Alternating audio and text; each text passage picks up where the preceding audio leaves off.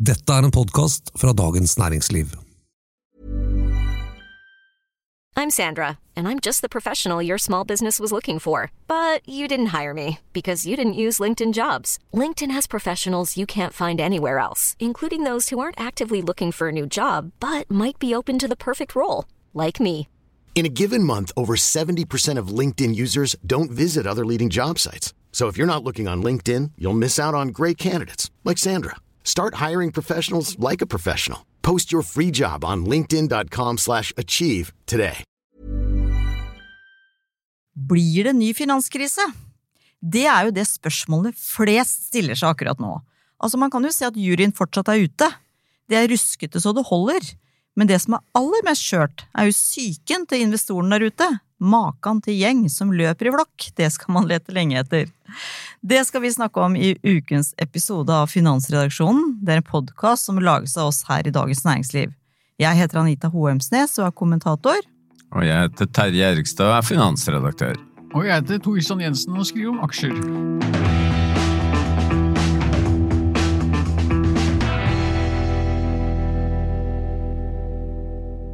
Altså Vi snakka jo om brank, bank, brank, eh, bankkrisen på Livepoden som vi hadde forrige tirsdag på DNs finansteknologikonferanse. Men det er jo ikke altså, følelsen ikke at det er ikke ferdig snakka på noe som helst måte. Så vi, nå vi kan si at vi er nå knappe to uker inn i det, som starter med at Silicon Valley Bank i California gikk nedenom og hjem. Og jeg tror vi trenger liksom en liten oppdatering på hva som har skjedd siden da, hvis du kan begynne med det, Terje? Det kan jeg. Eh, Da skal jeg arrestere deg litt, fordi det begynte faktisk med en bank før Silicon Valley Bank. Signature. Nei, en eh, Eh, kryptobank som het Silvergate. Silvergate. Og den, eh, den banken egentlig bare bestemte seg for at den eh, ja, var ikke levedyktig lenger, så den legger ned. Og det skapte egentlig ikke de store med den store panikken, men så kom Silicon Valley Bank, som Mm. du helt riktig Mm. nevner, som Mm. på en måte er starten på den liksom når, når folk fikk eh, øynene opp for at det er mye risiko i banksystemet. Og grunnen til at den banken kollapset, var jo at den satt på eiendeler som hadde falt kraftig i verdi, sånn at egenkapitalen var egentlig blåst bort. Og da skyndte jo alle innskytere med, med, med penger over sikringsbeløpet Mm. seg med å ta ut pengene. Mm. Og det samme skjedde med denne Signature Bank, som du helt riktig påpekte. Det var også en bank, New York-basert bank som var litt eksponert mot krypto, men den ble også utsatt for det som kalles et bankrun. Folk ville ha pengene ut raskt. Eh, 20% av innskuddene forsvant, og da Mm. var banken egentlig Da måtte banken overtas av statlige myndigheter. Og så var det jo denne store kollapsen i Europa, Credit Suisse, som eh, konkurrenten UBS ble tvunget til å kjøpe av sveitsiske myndigheter, og det ble jo kjent på søndag. Og så er det jo den eh, fjerde banken, First Republic i USA, som er i ferd med å kollapse. Den 90% av aksjekursen, eller verdiene, er jo forsvunnet. Og den banken ble forsøkt reddet ved at elleve større banker, frivillig i hermetegn, satte inn 30 milliarder dollar i innskudd i den banken, men det var jo ikke nok. Når først panikken er tatt, øh, investorene og innskyterne, så vil de ut uansett. Så nå er siste nytt om den, mens vi spiller inn, er at eh, Jamie Dimon, som jo er banknestoren, eh, sjef for verdens mest verdifulle bank, JP Morgan, nå driver og skal prøve å redde denne First Republic, og nå skal disse innskuddene kanskje gjøres om til egenkapital. Så får vi se hva som skjer med den banken. Det var kort oppsummert bankkrisen på en par-tre uker. Ja, takk for det, Terje. Og da lurer jeg på, altså, hvordan har markedene reagert eh, på denne hurlumheien? Ja, de har jo reagert med forskrekkelse, jeg kan ikke bruke noe annet ord enn det, selv om eh, akkurat i dag, eh, når vi nå spiller inn, så er det eh, rolige tider på børsene, så, de, de stiger, men, men det har vi jo sett bare for et par dager tilbake, så steg jo børsen igjen, og Da tok jeg meg den fri til å skrive en børskommentar om at dette var det mest opplagte tilfellet av suckers rally vi hadde sett i år eh, ever. Og det viste seg jaggu meg rett. Det fikk jeg jo rett allerede samme dag, for da kollapset den oppgangen. Så sier ikke at det samme skal skje i dag. Det er klart, sånn er det jo med slike korreksjoner og uro i aksjemarkedene at uh, det, alt overdrives begge, begge veier. Uh, men sant, så, så, lenge vi ikke har sett uh, slutten på dette, så vil det jo fortsatt være Og som jeg sa, så prøver jo alle disse hva skal vi si, sentralbankfolk og, og, og, banksjefer de prøver å si at ja, nå, med denne, når vi fikk reddet Credit Suisse, og nå, nå er alt, alt er good. og mm. Og det er, det, er, det, er, det er, fine saker, og da tillot jeg meg å legge ut en liten tweetmelding her i går med bildene av han er komiske Ali, og han sier at nå er alt bare fint, så det var jo min oppsummering av akkurat den saken. Men du kan jo si at egentlig, altså hvis man tenker på reguleringer og kapital, altså det er jo egentlig ikke veldig mange, mange banker tror man da, som har store problemer. Det er ikke 2000, det er liksom ikke finanskrisen i 2008-2009 om igjen, med masse råtne lån og sånn, er det det? Altså, eh, jeg må bare følge opp med Komiske Ali. Det, det var jo han som var liksom informasjonsministeren til Saddam Hussein. Tilbake hvor, eh, hvor, Saddam Hussein jo ble eh, angrepet, eller USA gikk jo til krig og mm. skulle liksom frigjøre Irak, da og han sto på TV og sa at alt var bra. Men uh, på en måte det er litt sånn interessant parallell, fordi den krigen ble jo på en måte live mm. uh, var live broadcast, altså CNN mm. liksom fulgte den 24 timer i døgnet omtrent. Og nå er det litt sånn at vi ser bankkrisene utvikle seg fra time til time. Det, er, det skjer veldig raskt. Og, og, og, så er det det med, med banker. Banker er eh, solide og sunne helt til de ikke er det lenger. Mm. Altså, Credit Suisse, det er jo litt sykt, da. Sveitsiske myndigheter sier at nei, banken hadde nok egenkapital, den tilfredsstilte kravene fra tilsynsmyndighetene, men den var ikke levedyktig. Mm. Og det, hvorfor var den ikke levedyktig? Jo, fordi innskyterne ikke ville ha pengene i banken lenger. Altså de mister tilliten til banken, Nettopp. ikke sant? og det er vel det som det handler om mye her. At, eh, og det er jo nok av banker å putte penga sine i. Ja, ja. Så hvis du har en minste snev av liksom mistanke om at her er det noe som ikke helt eh, tåler dagens lys, så tar du jo selvfølgelig ut pengene dine. Hvis du ikke har du... sikkerhet. Ja ja, ja jo, vi har jo sånn som i Norge så har vi jo Banksikringsfondet, ja. som sikrer alle innskudd over to millioner, er det ikke det? Inntil to, millioner. Bare de over to! vi liker best rikingene, vi, vet du.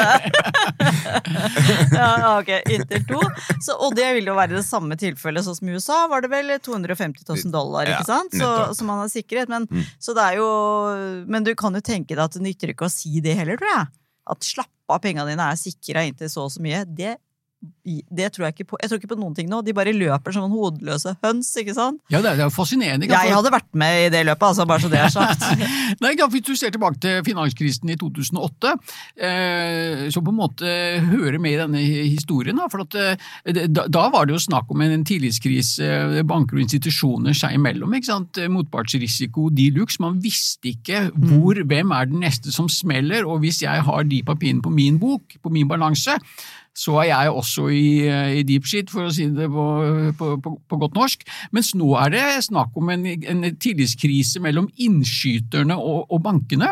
Og da er det jo, hva er egentlig en bank? Altså, det er jo en, en, meget giret eh, virksomhet med ekstrem lav avkastning på egenkapitalen, hvor tillit er alt. Og det er jo ikke for ingenting. ikke sant? Og sånne bankbygninger, se på Norges Bank, der kan ha flotte marmorbygninger, og alt ser jo så fancy ut. Og hvorfor er det slik? Jo, det er jo fordi at de må bygge, bygge tillit. Mm. Og hvis eh, innskyterne mister tillit eh, til banken, så har du et eh, bankrønn. Mm. Og uansett hvor god den banken har vært til å tjene penger, hvis du får et bankrønn, så er den banken ute av business. Det er meget effektivt. Jeg eh, leste en par interessante ting om dette akkurat nå i Financial Times. Mm. Det ene er eh, den tidligere sentralbanksjefen i England, Mervyn King, som nå er lord, lord Mervyn King, som sa at det er egentlig ikke noe grunn til å starte et bankrun. Altså, alle skal få panikk og skal ta ut pengene. Men når du ser en, så er det lurt å bli med. Ja, ja. Det er litt sånn som jeg føler det når det var den der eh, 13. mars i 2020, ikke sant? Altså, alle skulle på butikken og handle, og jeg var sånn Nei, men slapp av litt, da! Litt sånn. Og så kom jeg på Kiwi og så alle de vognene, og, det, og så bare klikka det, liksom. Det bare, Så du- ja, plutselig så var det her masse tørr, tørr for igjen. Ikke sant, dette er jo, sånn- det er jo spillteori og fangens dilemma. Ikke? Ja, ja, ja, Det er altså, fascinerende med den psykologien. Ja, Men, eh, men så leste jeg også da Det var, det var en veldig bra analyse av en eh, tidligere bankanalytiker, faktisk, som nå er forvalter, og som ikke Han vil aldri eie bankaksjer. Åh. Nei. Og hvorfor vil han ikke det? Jo, fordi han skjønner hvordan en bank er satt sammen. Men han skrev da Det var helt fantastisk. Altså at da, før Hongkong ble overlevert fra britene til Kina, så var det mye usikkerhet om hva ville skje med bankene og sånt, for eksempel. Og så beskriver han da noe som ble et bankrun ved at eh, en bank hadde kontorer ut mot gata, og det var rett ved et busstopp. Og så var det, hadde det sånne eh, markiser hengende ut eh, ved vinduet. Og så begynte det å regne så innmari, så da, de som sto og venta på bussen, de sto da helt inntil banken med, under, den, under den markisen for å ikke bli våt. Og så så jo folk at her, jaggu, her stimler de sammen foran en bank. Nå, nå, nå er det krise! Og så ble det bankrun. Om det er sant, det vet jeg ikke, men det er en Veldig god historie, da. Vi lar, vi lar den eh, Vi lar det som en Ja, det er jo veldig- story. Ja, det er veldig kult og veldig artig at du eh, nevner akkurat den artikkelen, for det er faktisk den jeg bruker som inspirasjon nå for å sitte og skrive en børskommentar om hvorfor, oh, ja. hvilke duster er det som investerer i, banker. Og også det der bildet av den der køen. Ja, det er jo han Leif Eriksen som var forvalter i Alfred Berg. Han la jo ut på Twitter, selvsagt, et Ja. bilde, eh, en, en kø da, foran DNB. Og det, var ikke, de skulle jo ikke, de skulle ikke, var ikke noen bankrun, da, men jeg vet ikke hvorfor de sto ikke. Kanskje kjøpe noen sportsvarer eller et eller annet. Men tenk at det er sånne ting som da kan sette i gang hele prosessen. Og akkurat den der samme eh, eh, kronikken til Hans Smith, da, det er jo Smith, ja. Eh, Utrolig interest, interessant, da, for han, han, han peker jo da på forskjellige årsaker til hvorfor bank da ikke er investerbart. og Det, det er jo ikke at det, det er komplisert, det er umulig å forstå ikke sant, de rare ordene. Og risikoen, du, du aner ikke at risiko, altså, det- eh, kollapsen er liksom, altså, du, du, du ser ikke risikoen før den liksom er plantet i ansiktet på deg, ikke sant? og så er det lav avkastning på egenkapitalen og høyt gira. Og han sier jeg investerer aldri i virksomhet ikke sant? Hvor, du må, hvor du må gire opp uh, assets så mye for å få en uh, anstendig avkastning. Og så har du en veldig artig sammenheng, og han snakker om at det manglende innovasjon i bank, eh, bankvirksomheten. Ikke sant? Og da fortalte, pekte på, på han der legendariske sentralbanksjefen USA, er Folker, som hadde sagt det om at eh, i de 20 årene før finanskrisen i 2008 så var den største innovasjonen i bankindustrien det var minibankautomaten. Og selv den trenger vi ikke lenger. Ja, nei, det, det er jo interessant fordi eh, man tenker jo sikker som banken er et uttrykk, men bankene er egentlig eh, får lov til å drive med mye lavere egenkapital enn noe vanlig selskap. Og det er jo sånn at en bank krever mye mer egenkapital hos kunden enn det banken selv har. Så, så at uh, altså, For å si det sånn, en bank vil, ville aldri fått et banklån. fordi fordi eh, egenkapitalen er altfor lav. Mm. Men, for og det, er sånn der, det som er litt problemet, og det som jeg har så full forståelse for at det blir bankrun, er jo nettopp det. At dette er så komplisert. Mm. Altså bare, Vi snakket om det på trappemøtet internt i DN i dag. ikke sant? At når vi skriver om bankkrisen, eller når vi skriver om dette nå, som vi skriver veldig mye om og veldig mye bra om, det må jeg bare reklamere for, så må vi huske på at dette er kompliserte ting. Plutselig får vi nå vite om sånn AT1-obligasjoner som Har du eh, ikke så- visst noe om AT1-obligasjoner før? Eh, nei. men du har sikkert- du har jeg har et liv. Du, du har sikkert hørt om det med et annet navn. De heter nemlig også Koko. Ja. Det er koko. Det er helt koko. koko. Ja, det, er, ikke sant? det kunne jo ikke hett noe annet. Det er bare helt utrolig. Men poenget er ikke sant? du skjønner at når alt er så komplisert rundt bank, og det står mye greier, så er det eneste en oppfatter som har innskudd i en bank, ups, Mm. dette kan være farlig. Ikke sant? Ikke sant? Og, du, og det har jo, du har jo også en her hjemme ikke sant, som er veldig skeptisk til å investere i, i bank, og det er jo han forvalter Thomas Nilsen i First-fondene. Han rører ikke bankaksjer. Han kjøper riktignok eiendom, men han rører ikke bankaksjer. Og eh, Der er det mange av de samme argumentene som Smith hadde i Financial Times. Altså for det første, Det er, det er som å se på en svart boks. Ikke? sant? Det er veldig mye rare rare ord. ikke sant? Altså Du har denne her AT1, Additional Tier 1 Capital, som eh, merkelig nok da, ikke sant? De ble jo vipa ut i Credit Suisse, mens eh, aksjonærene, egenkapitalen, som jo da skulle komme etter i prioritet, de, de fikk reddet noen av, av sine penger. Og så er det alle denne reguleringen og altså utrolig eh, vanskelige ord. Så vi har vår egen sånn eh, veldig skeptiske bankinvestor, eller han rører ikke bankaksjer også her i Norge. Planning for your next trip? Elevate your travel style with Quince. Quince has all the jet setting essentials you'll want for your next getaway, like European linen, premium luggage options, buttery soft Italian leather bags, and so much more. And it's all priced at 50 to 80% less than similar brands. Plus, Quince only works with factories that use safe and ethical manufacturing practices. Pack your bags with high-quality essentials you'll be wearing for vacations to come with Quince. Go to quince.com slash trip for free shipping and 365-day returns. One size fits all seems like a good idea for clothes until you try them on. Same goes for healthcare. That's why United Healthcare offers flexible, budget friendly coverage for medical, vision, dental, and more. Learn more at uh1.com. Many of us have those stubborn pounds that seem impossible to lose, no matter how good we eat or how hard we work out. My solution is PlushCare. PlushCare is a leading telehealth provider with doctors who are there for you day and night to partner with you in your weight loss journey. They can prescribe FDA-approved weight loss medications like Wagovi and Zepbound for those who qualify. Plus, they accept most insurance plans. To get started, visit plushcare.com slash weight loss. That's plushcare.com slash weight loss.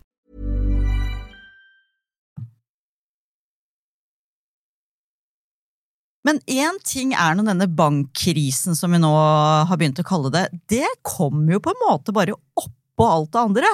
Altså, det var ikke sånn at økonomien var i skjønneste orden før dette skjedde. Og da har vi jo denne berømmelige inverterte rentekurven som et sånn blinkende bilde på at nå går det ordentlig åt skogen, gjør det ikke det, Tor Christian? Jo, dette er jo helt fantastisk. Vi har jo snakket om, vi i Finansredaksjonen, vi simpelthen elsker eh, den inventerte Du rentekurven. elsker den. inventerte rentekurven. ja, Ja, jeg er ganske glad i den, ja. Da. og vi har snakket mye om den, og vi har diskutert ikke sant, hva slags signal sender den, og kan du stole på det signalet. Men nå tror jeg de fleste enes om at det signalet kan du stole på eh, helt opplagt. Og det er jo også en veldig viktig årsak til denne bankkrisen eh, vi har fått nå, for hvorfor har eh, kurven blitt er invertert? Sånn at først, ja. Mm. Det betyr jo det at eh, sant, hvis du setter løpetiden på, på lån, starter på null år da, og går kanskje opp til 30 eller 100 år, kan du også gjøre, men, men altså, da i den korte enden, altså for helt korte lån, og, og da, det som er den typiske rentekurven når det snakkes om invertert, det er fra, fra to års løpetid til ti års løpetid, og da er altså to års løpetid mye høyere enn ti års løpetid, og det er jo helt helt gærent, ikke sant? Fordi at i en eh, økonomi som vokser, så skulle man jo tro at eh, renten på lengre sikt var, eh, var eh, høyere. Altså, Den skal signalisere oppgang i økonomien. Nå er det altså eh, tvert om.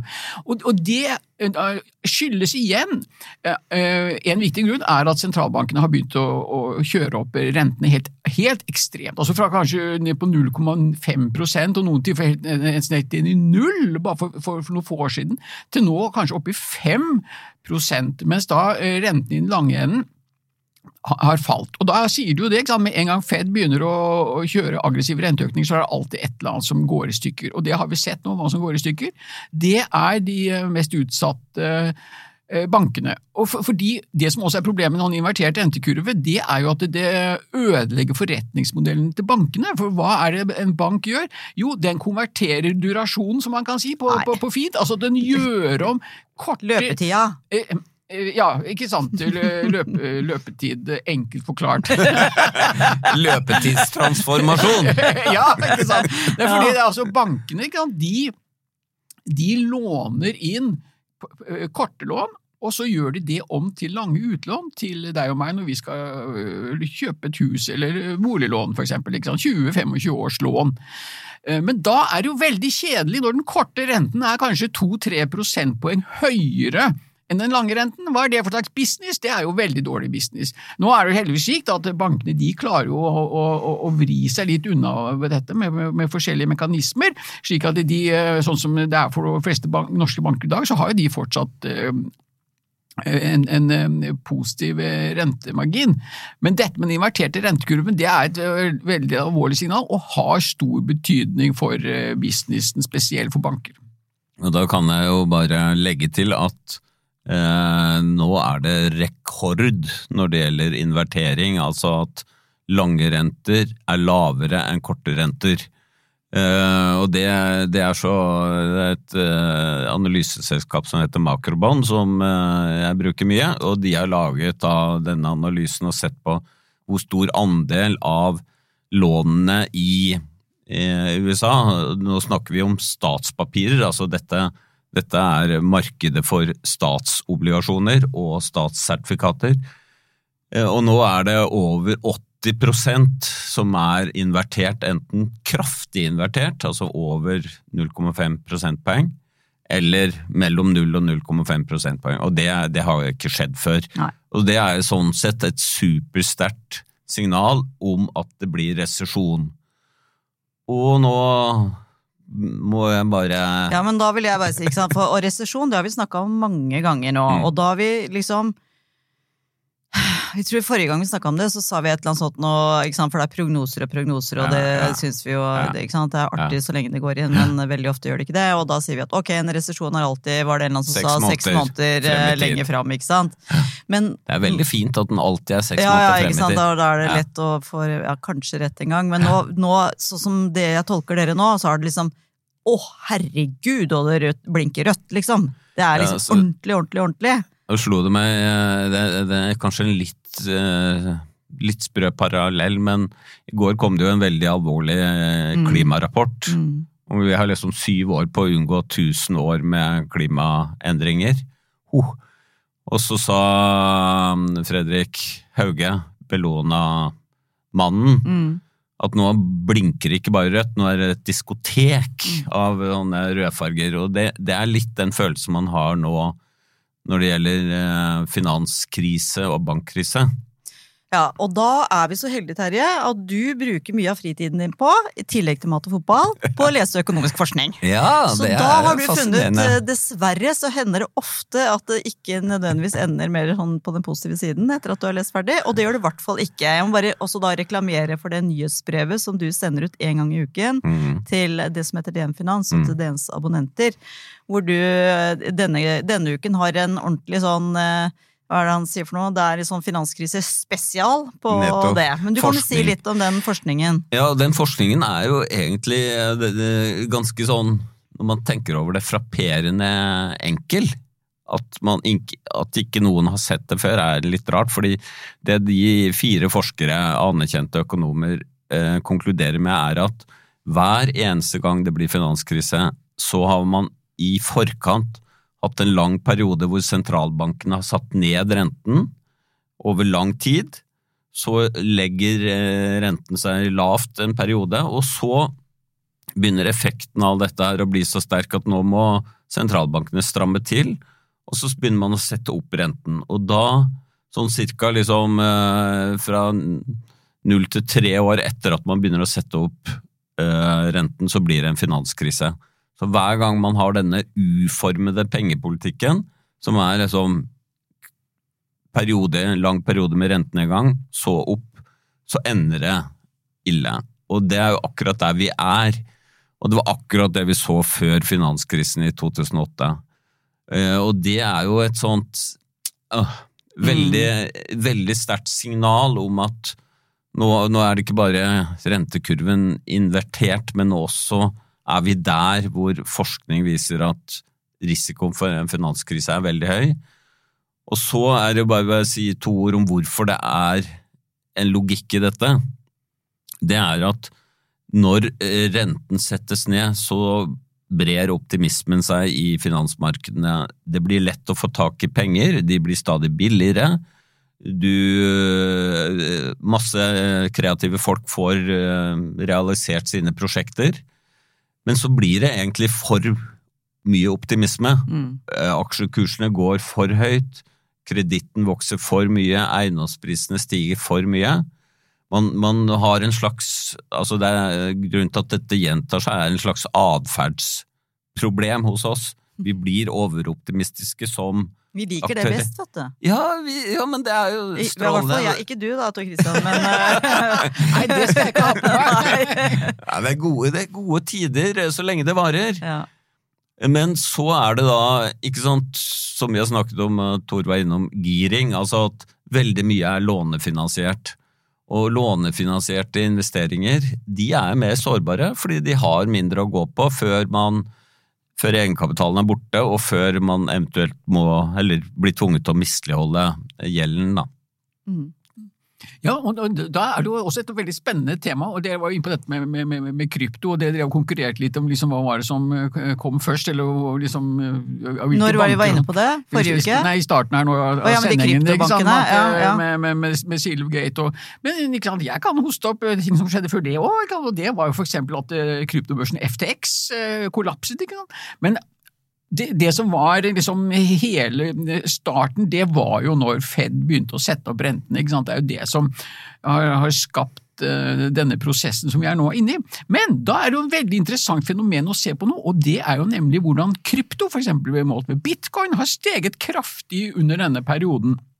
Vanligvis, og vi har jo snakket mye om krypto, da, og, og jeg har kanskje prøvd med, med et eller annet med at det er noe slags digitalt gull og blitt sendt i skammekroken, ja, men Ja. det som vi har sett hittil, inntil før denne krisen begynte, var jo at bitcoin det korrelerte korrelerte med eh, veldig risikoaktive for typisk aksjer. Ikke sant? Så Hvis aksjemarkedet falt, så falt også bitcoin. Hva er det for slags hedge? Hva er det for slags digitalt gull? Det er jo bare tull. Men det vi ser nå, er at eh, bitcoin stiger mens aksjemarkedene faller. Vi kan altså nå være i ferd med å se for første gang at krypto og bitcoin Faktisk. gjør, er en hedge. Tenk på det! Ja, Nå ble det taust! Vi som har snakka så mye negativt om eh, krypto, det passer liksom ikke helt inn. Men eh, det er iallfall logikk, det er jo det. Men, Men ja, ja, altså, Terje har ikke lyst til å overbevise mista den. han helt eh, munn og mæle. Nei, nei, nei, nei. nei det, det er bare det at eh, Krypto øh, og det bitcoin, det har jeg ment øh, fra starten av og fått mye kjeft for. Det er et rent spekulativt objekt. Ja. Altså, det er ingen Det har ingen tilknytning til noe sånn øh, vanlig økonomisk logikk. Det, det skaper ingenting.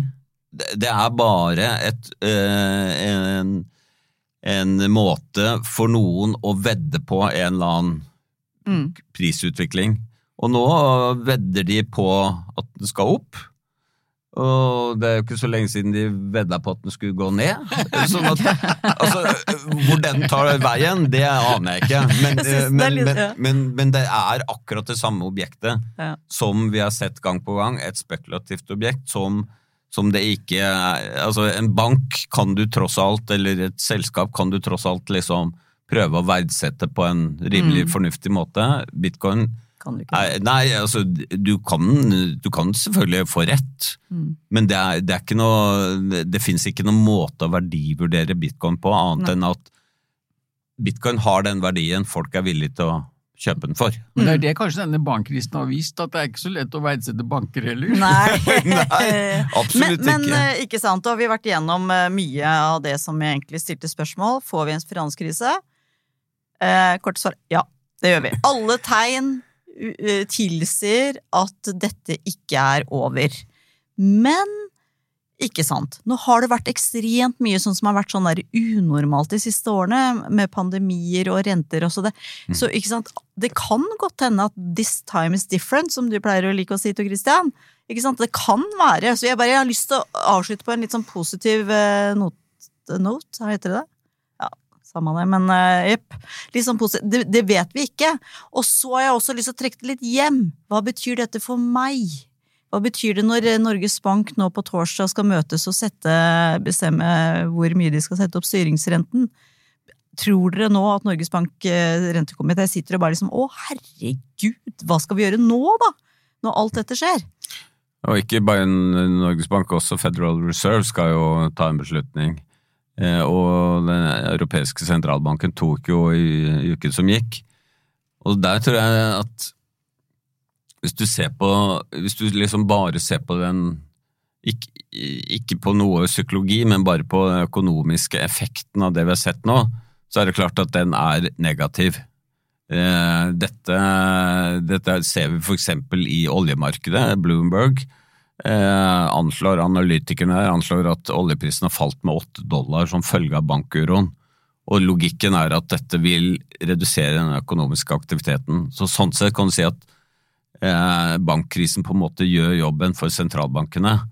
Men inflasjonen forsvinner jo ikke umiddelbart. Og da blir jo problemet for sentralbankene hvis de eh, begynner å si at nå kan vi ikke øke renten fordi vi er redd for banksystemet, så sender de på en måte et signal om at dette er ille. Hvis de liksom bare sier ja, men vi er fokusert på inflasjonen, så sender de på en måte et signal om at eh, verden er på en måte som normalt, da, og da må vi gjøre som vi normalt gjør. Så jeg tenker at det er en veldig vanskelig avveining de har. Du har vel skrevet om uh, Between a Rock and a Hard Place? ja, og nå skal ikke jeg uttale meg om hva Norges Bank kommer til å gjøre, men, men det som jo er et faktum at denne finanskrisen, eller uroen i, i banksektoren, det fører jo til en økt risikopremie. Og det, altså uansett, hva skal vi si, uavhengig av hva som skjer med styringsrenten, så fører denne Øke, dersom risikopremien fortsetter å øke, så vil det føre til at den renten som vi betaler for våre boliglån, alt annet like, vil bli høyere. Ok. Hvorfor det? Nei, nei, nei nå datt jeg av. Nå har vi, når vi snakka om dette forrige gang, så var det at boliglånene kanskje skulle bli lavere, lavere. fordi nettopp at bankkrise at du gjorde jobben til sentralbanken sånn at ikke den trengte å sette opp renta si så mye. Det, det Nå kan, så er det jo høyere, men da er det kanskje litt lengre men, perspektiv, eller? Det er liksom to, to effekter to som drar To tanker i hodet på sammen! to effekter som kan dra i hver sin retning. Det ene er at øh, den økonomiske aktiviteten øh, går ned som følge av denne uroen. Det betyr at etterspørselen dempes, og det betyr at eh, inflasjonspresset går ned. Så det trekker i retning av at sentralbankene ikke behøver å sette opp så mye. Men så skal jo bankene ta høyde for risiko når de låner ut penger til oss. Og da Aha. kan det godt hende at bankene øker sine marginer, for ja, nå kan det jo bli større tap i fremtiden. Da må vi sikre oss. Så Derfor øker vi marginene våre mm. for å ta inn over oss den økte risikoen i økonomien. Så nettoeffekten er kanskje ikke så lett å, å, være helt sikker på, men de trekker på en måte i to forskjellige retninger, da. Bra forklart. Bedre enn deg, Tor Christian. Skjerp deg! Det er notert.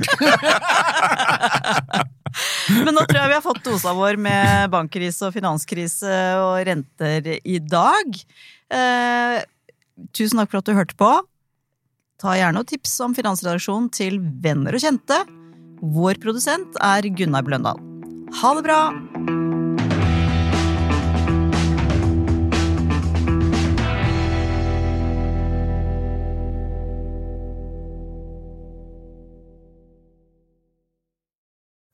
Du har nå hørt en podkast fra Dagens Næringsliv.